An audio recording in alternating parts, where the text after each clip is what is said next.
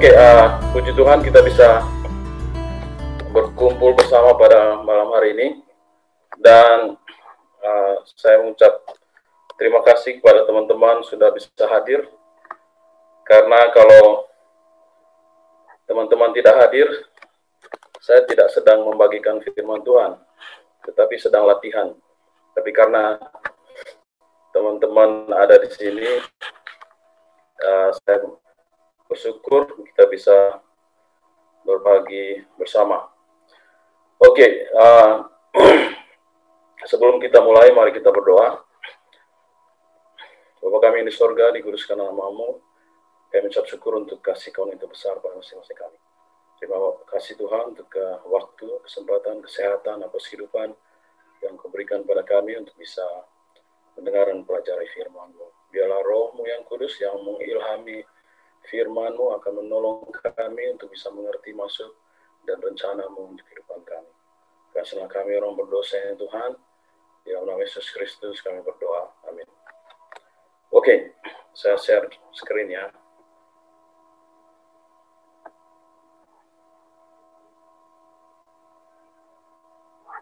Uh, bisa saya share, share screen ya.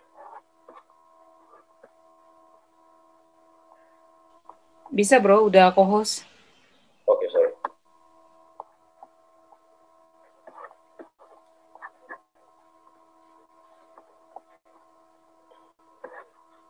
Bisa dilihat ya? Bisa bro, clear. Oke. Okay. Everything has changed, but nothing is different. Oke, okay, seperti yang saudara Jun tadi katakan, judul uh, pelajaran kita segala sesuatu berubah tapi tidak ada yang berbeda. Mungkin teman-teman penasaran dengan judul ini. Semoga uh, bisa menjawab penasaran teman-teman. Oke, okay. pelajaran hidup di uh, pelajaran hidup kita itu bisa dibandingkan dengan apa yang dialami oleh bangsa Israel ya. Nanti kita akan belajar bagaimana pengalaman hidup uh, bangsa Israel akan menjadi pelajaran hidup kita juga. Jadi pertama, kesusahan hidup yang kita alami bisa dibandingkan dengan padang belantara yang dilewati oleh bangsa Israel yang mana tidak ada air, kering, dan bahkan ada ular dan kalau jengking di sana. Di sisi lain, Tuhan memberikan berkat, mana uh, di dalam uh, perjalanan bangsa Israel yang menggambarkan berkat perlindungan Tuhan di dalam kehidupan kita. Oke. Okay?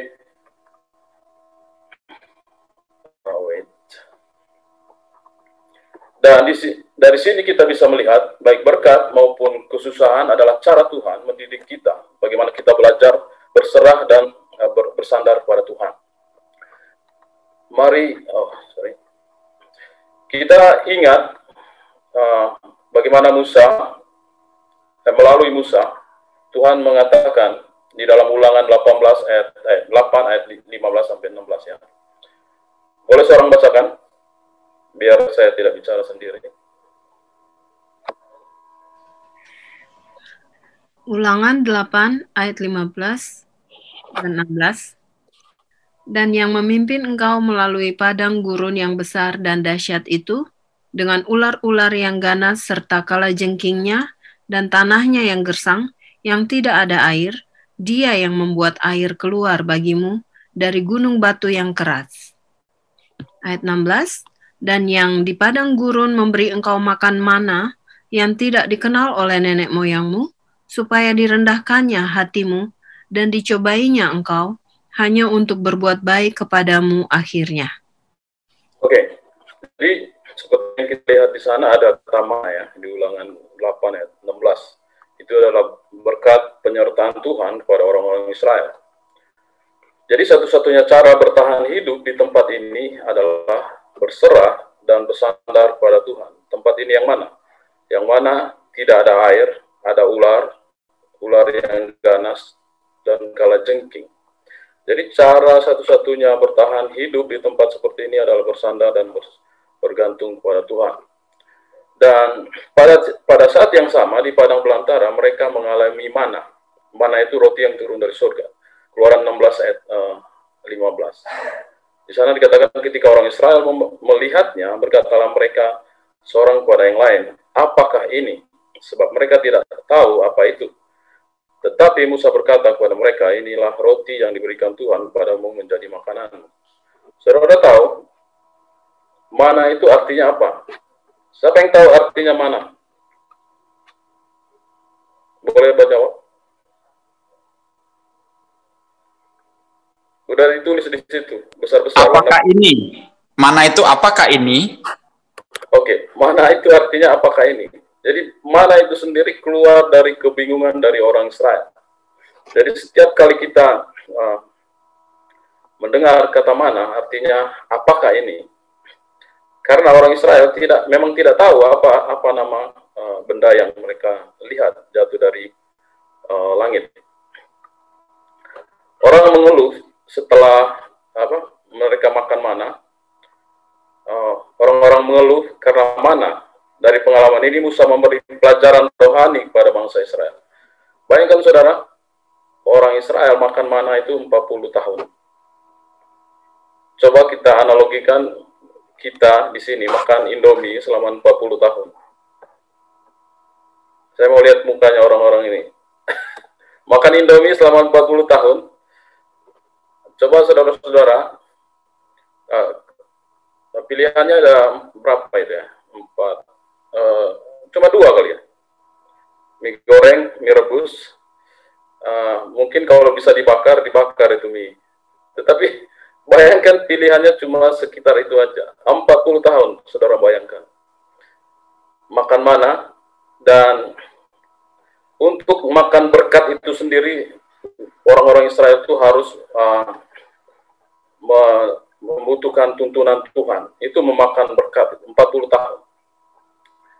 Jadi ulangan 8 ayat 22 sampai 3 di sana dikatakan ini nasihat Tuhan kepada nasihat Tuhan kepada dan nasihat Musa kepada orang Israel.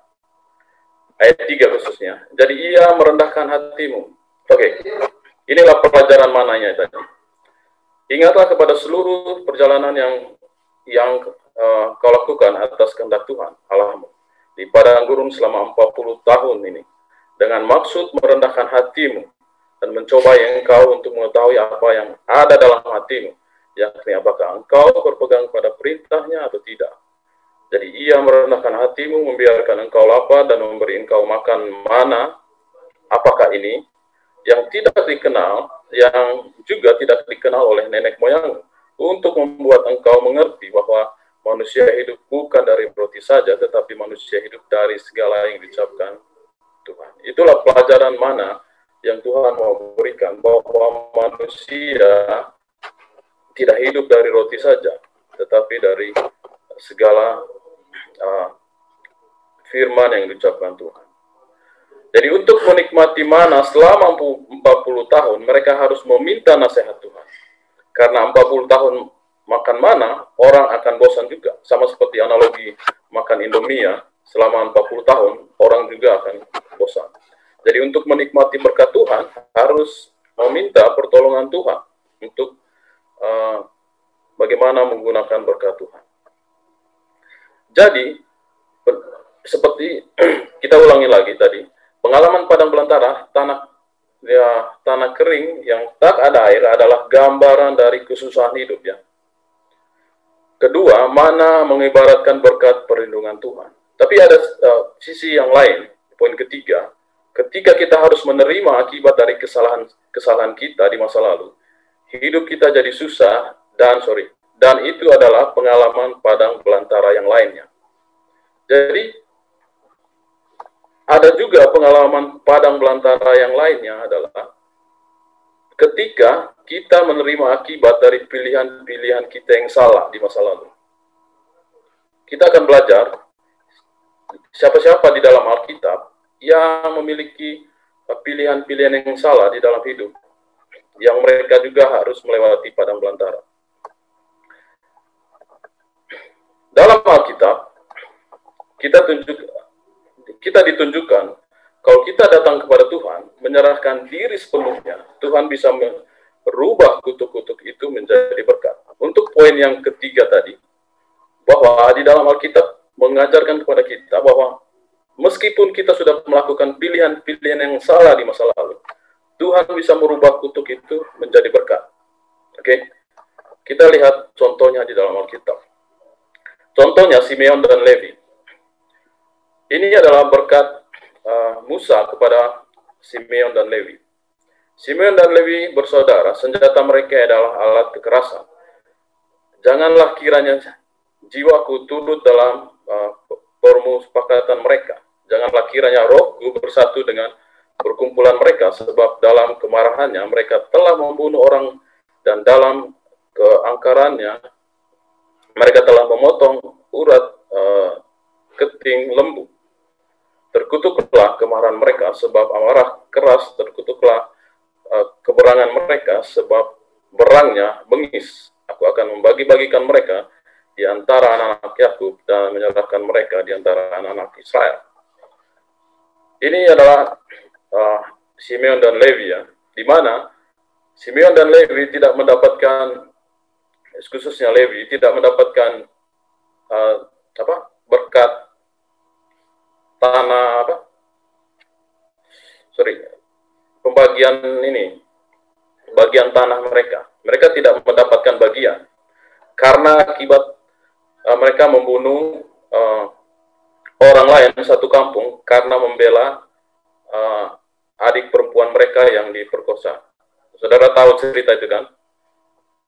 Dina namanya, Dina adik perempuan mereka yang diperkosa. Jadi Simeon dan Lewi khususnya Lewi tidak mendapatkan uh, tanah pusaka. Jadi akibat dari pilihan yang salah yang mereka lakukan, mereka tidak mendapatkan uh, berkat itu, tanah pusaka itu.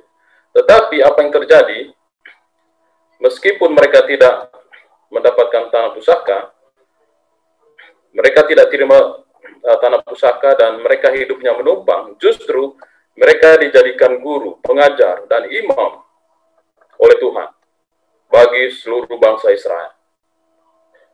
Orang yang awalnya dikutuk karena pilihan yang salah yang mereka lakukan di masa lalu, justru Tuhan jadikan mereka guru dan imam, orang Lewi ya. Next, contoh lain adalah Musa, pengalaman uh, hidup Musa. Kita tahu bersama Musa pernah membunuh orang ya, orang Mesir, karena usahanya untuk membebaskan uh, orang sebangsanya. Oke. Okay? Terus dia lari ke padang uh, dia lari ke padang dan jadi seorang gembala. Terus Tuhan panggil dia lagi untuk membebaskan bangsa Israel. Setelah itu kembali lagi ke padang belantara. Kalau saudara baca di dalam Alkitab, eh, seluruh hidup Musa itu dihabiskan di padang belantara. Bayangkan 40 tahun di padang belantara, mengamalai domba. Habis itu 40 tahun di padang belantara bersama orang-orang Israel yang dia bebaskan. Musa akibat dari pilihan yang salah membunuh orang, dia hidup di padang belantara. Tetapi apa hasil dari pilihan yang salah ketika Musa bertobat? Kita baca apa komentar Alkitab tentang Musa? Ulangan 34 ayat 10. Boleh seorang membacakannya? Saya rindu teman-teman bisa membacakan ayat ini. Ulangan 34 ayat 10. Anyone? Ulangan 34 ayat Oke. Okay. Seperti Musa yang dikenal Tuhan dengan berhadapan muka, tidak ada lagi nabi yang bangkit di antara orang.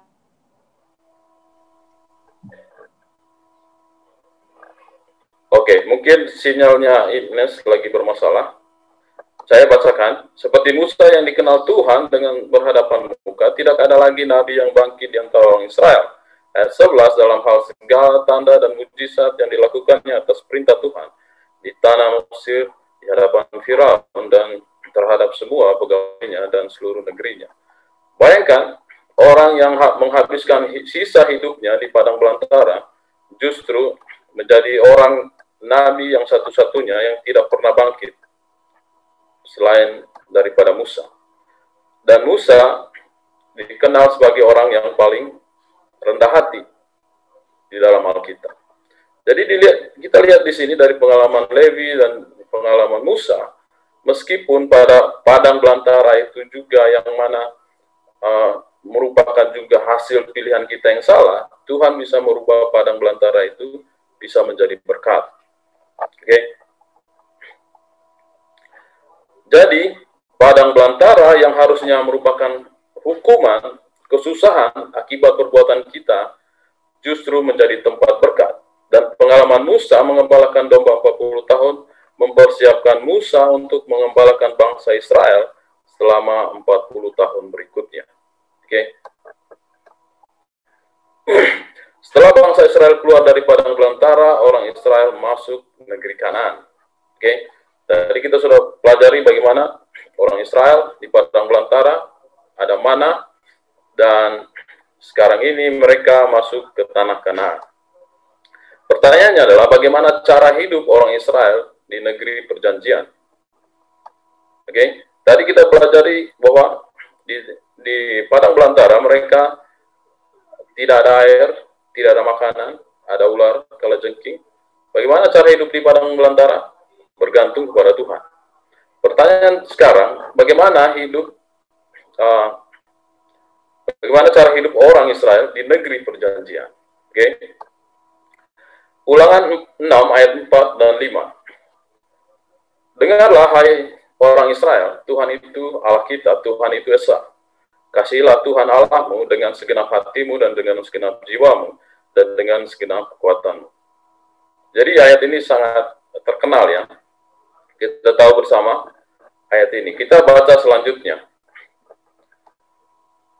Apa yang kusampaikan kepadamu pada hari ini, haruslah engkau perhatikan Haruslah engkau mengajarkannya berulang-ulang kepada anak-anakmu dan membicarakannya apabila engkau duduk di rumahmu, apabila engkau sedang dalam perjalanan, apabila engkau berbaring dan apabila engkau bangun. Haruslah juga engkau mengikatnya sebagai tanda pada tanganmu dan haruslah itu menjadi lambang di dahimu.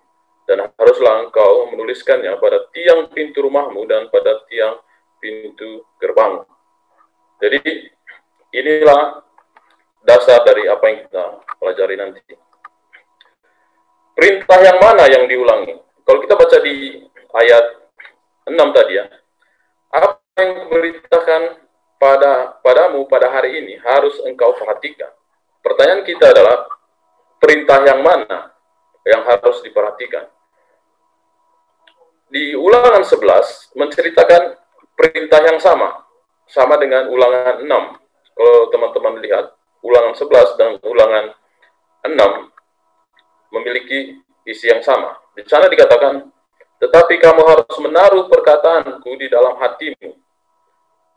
Kalau teman-teman baca itu, sama uh, isinya di dalam ulangan yang ini. Mungkin pertanyaan kita, menaruh perkataanku di dalam hatiku, di hatimu, perkataan yang mana? Perkataan yang mana yang kita harus taruh di dalam hati kita? Jadi perintah di ulangan 11 merupakan duplikat dari ulangan 6. Di dalam ulangan 6 ayat 6, apakah yang kuperintahkan padamu pada hari ini harus engkau perhatikan. Jadi kembali ke pertanyaan tadi, perintah yang mana yang kita uh, harus perhatikan? Yaitu perintah di ulangan 4, eh sorry bukan 4 ya, ulangan 6 ayat 4 sampai 5. Perintah ini yang harus kita perhatikan, orang-orang Israel perhatikan.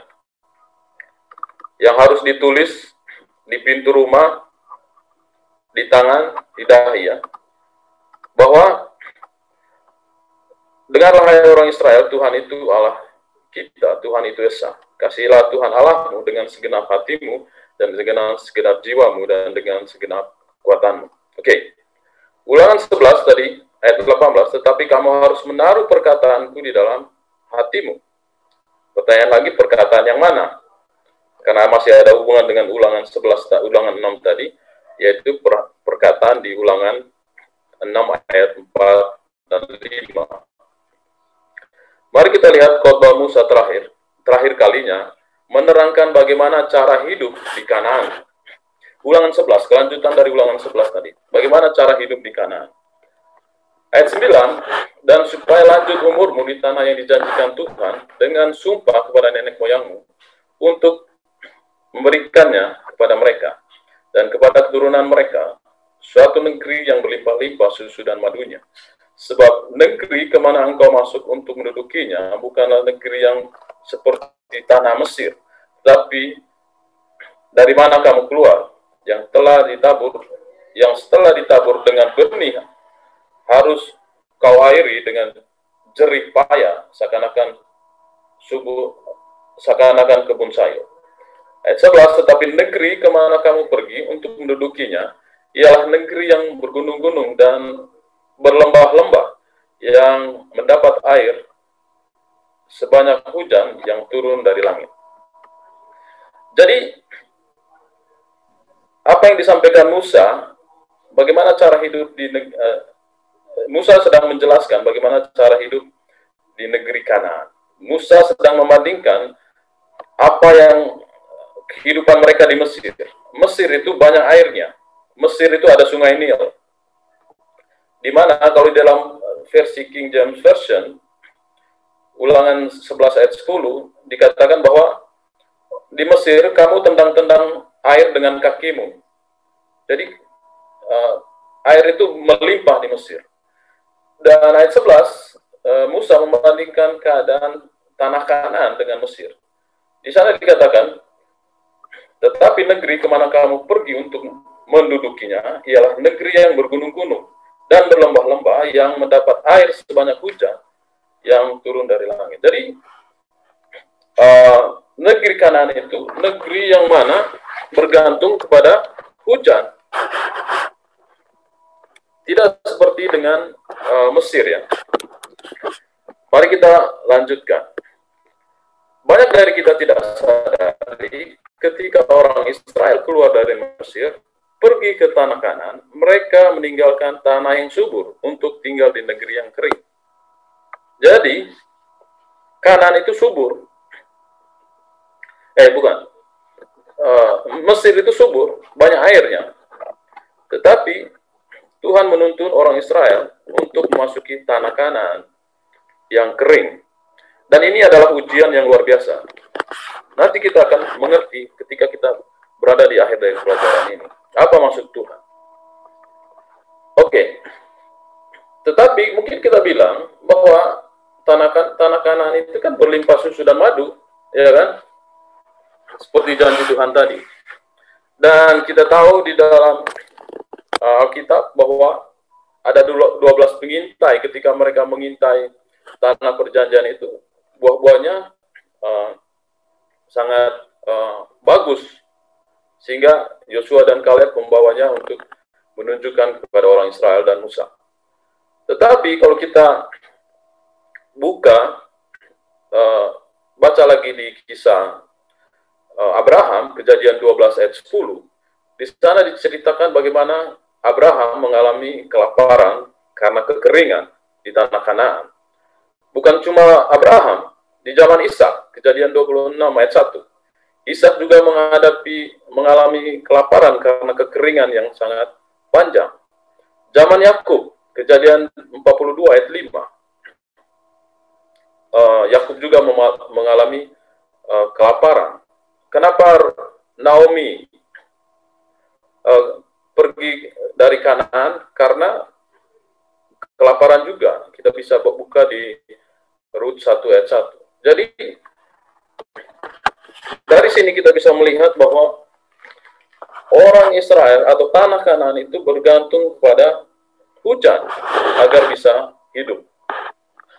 Beda dengan Mesir yang banyak airnya.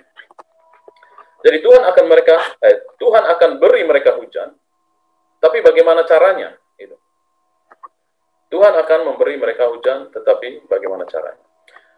Apa janji Tuhan? Di ulangan 11 ayat 12 sampai 15 suatu negeri yang berlimpah, uh, suatu negeri yang dipelihara oleh Tuhan Allahmu, mata Tuhan Allahmu tetap mengawasinya dari awal sampai akhir tahun.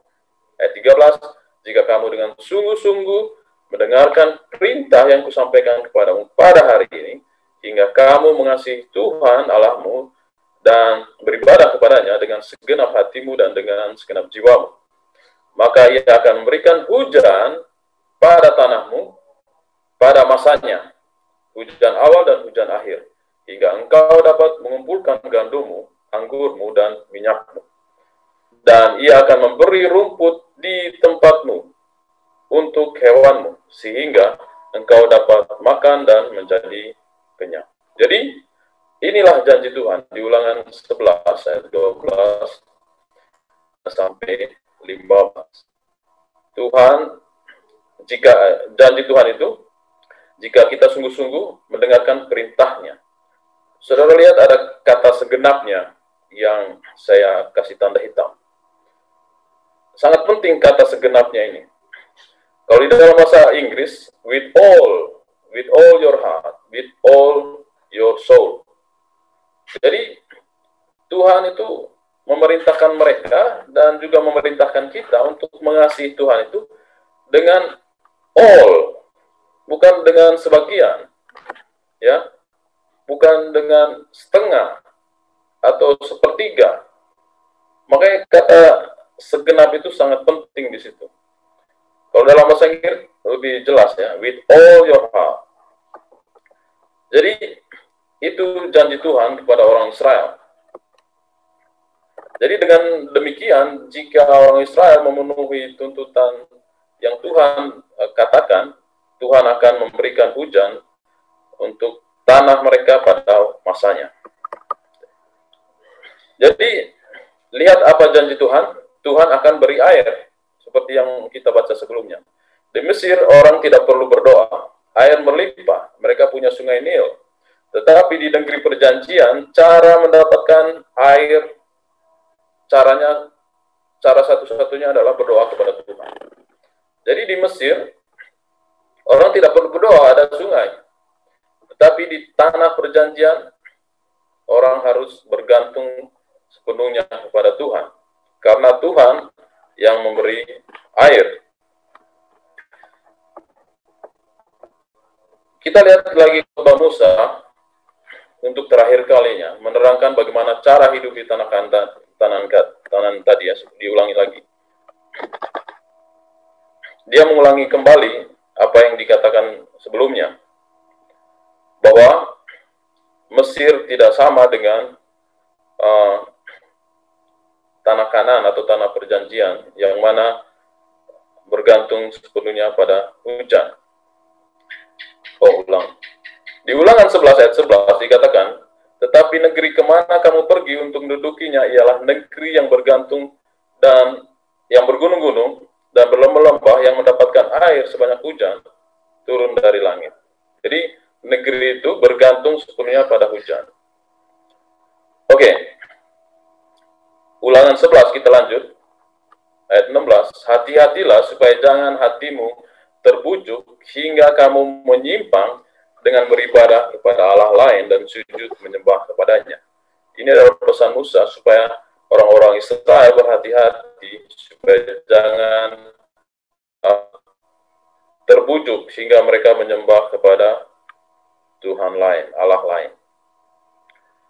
Dan dari sinilah kita mengerti bahwa ulangan 6 ayat 4 uh, tidak hanya berbicara tentang monoteisme ya, di mana uh, Tuhan itu esa. Tetapi kalau dilihat dari konteksnya, seperti yang kita lihat di sini, dalam konteks buku ulangan, kata Allah itu itu satu lebih merujuk kepada Tuhan itu satu-satunya sumber hidup. Bukan sekedar uh, uh, berbicara tentang bahwa Tuhan itu satu, tetapi kalau kita baca dari semua konteks yang kita baca dari ulangan 6 sampai ulangan 11, uh, merujuk kepada Tuhan itu satu-satunya sumber hidup.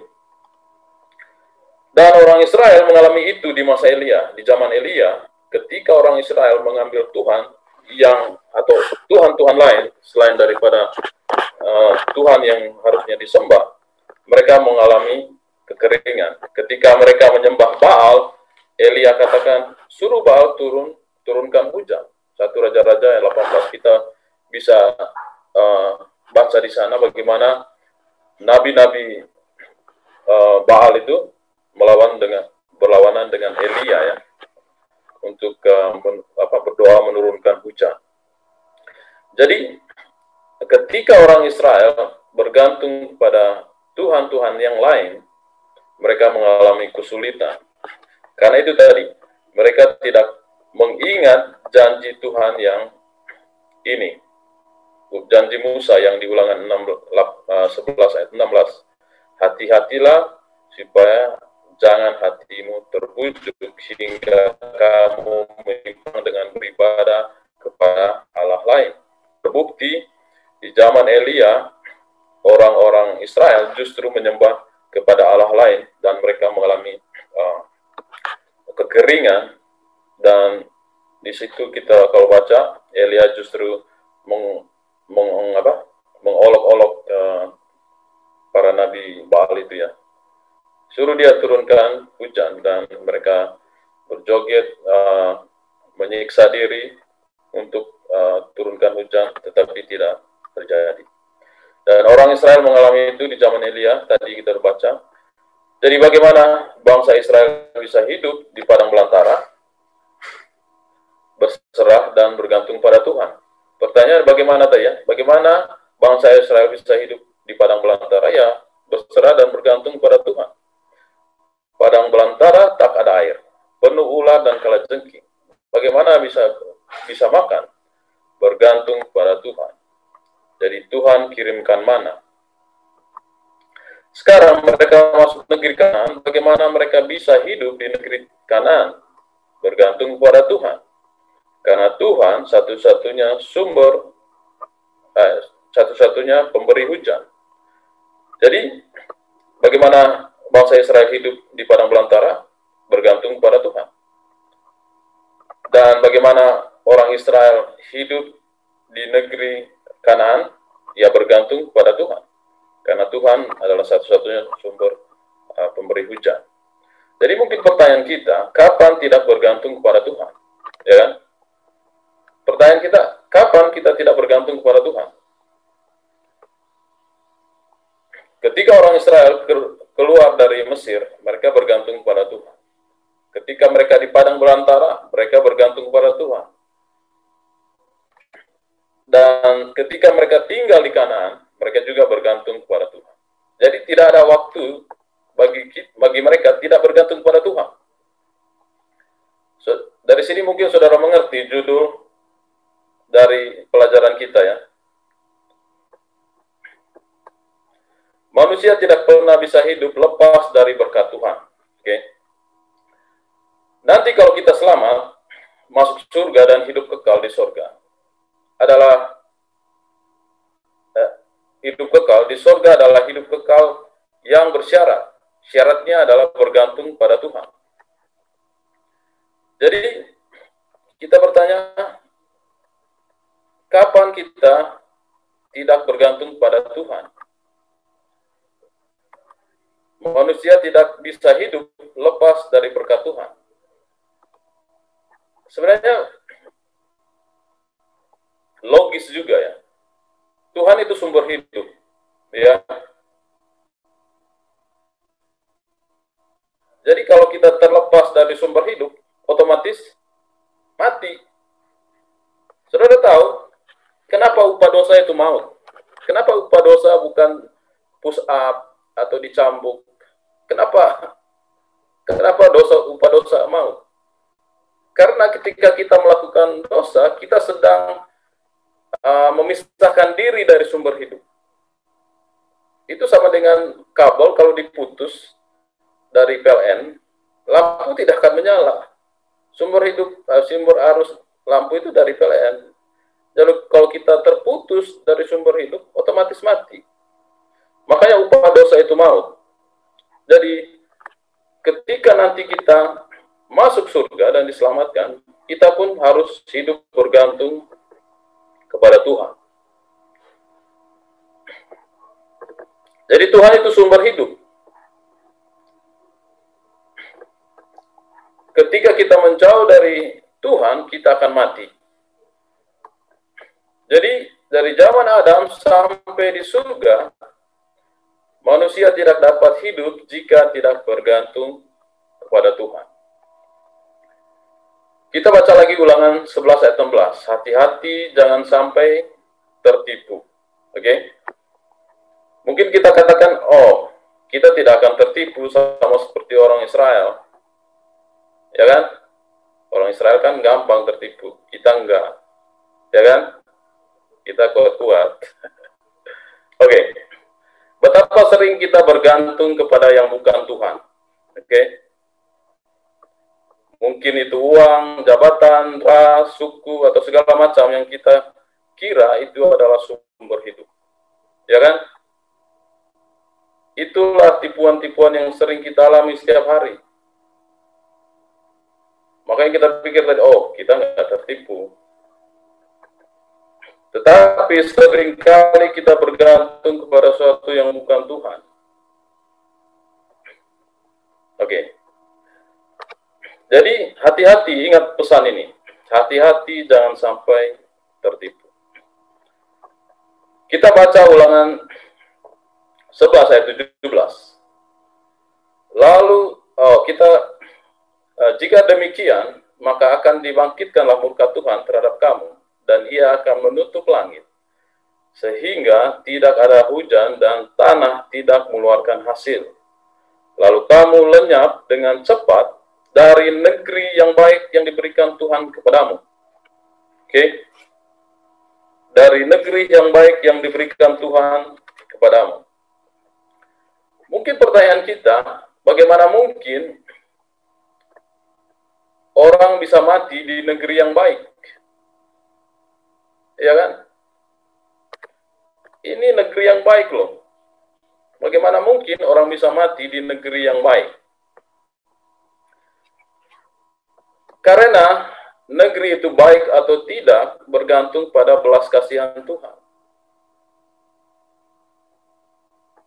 Bukan bergantung pada negerinya, tetapi bergantung pada Tuhan yang menyediakan segala sesuatu di dalam uh, negeri itu ya. Jadi pertanyaan kita tadi bagaimana orang bisa mati di negeri yang baik? Karena negeri yang baik atau atau tidak eh, karena negeri itu baik atau tidak bergantung pada belas kasihan Tuhan. Ingat prinsip ini. Di padang belantara atau di negeri Tuhan satu-satunya yang berhidup. Jadi kalau kita kembali ke judul renungan kita tadi, segala sesuatu berubah, tetapi tidak ada tidak ada yang berbeda. Mesir berbeda dengan padang belantara. Padang belantara berbeda dengan uh, tanah Kanaan. Tetapi satu satu yang tidak berubah adalah bergantung kepada Tuhan. Segala sesuatu berubah, tetapi tidak ada yang berbeda. Jadi maupun di Mesir, mau di padang belantara atau di tanah perjanjian, kita tetap harus bergantung kepada Tuhan. Segala satu berubah, tetapi tidak ada yang berbeda. Ulangan lanjutkan ulang 11. Tetapi kamu harus menaruh perkataan ini dalam hatimu, di dalam jiwamu. Mungkin pertanyaan kita, apa yang harus ditaruh di dalam hati? Apa yang taruh di dahi? Apa yang taruh di pintu atau di ambang pintu?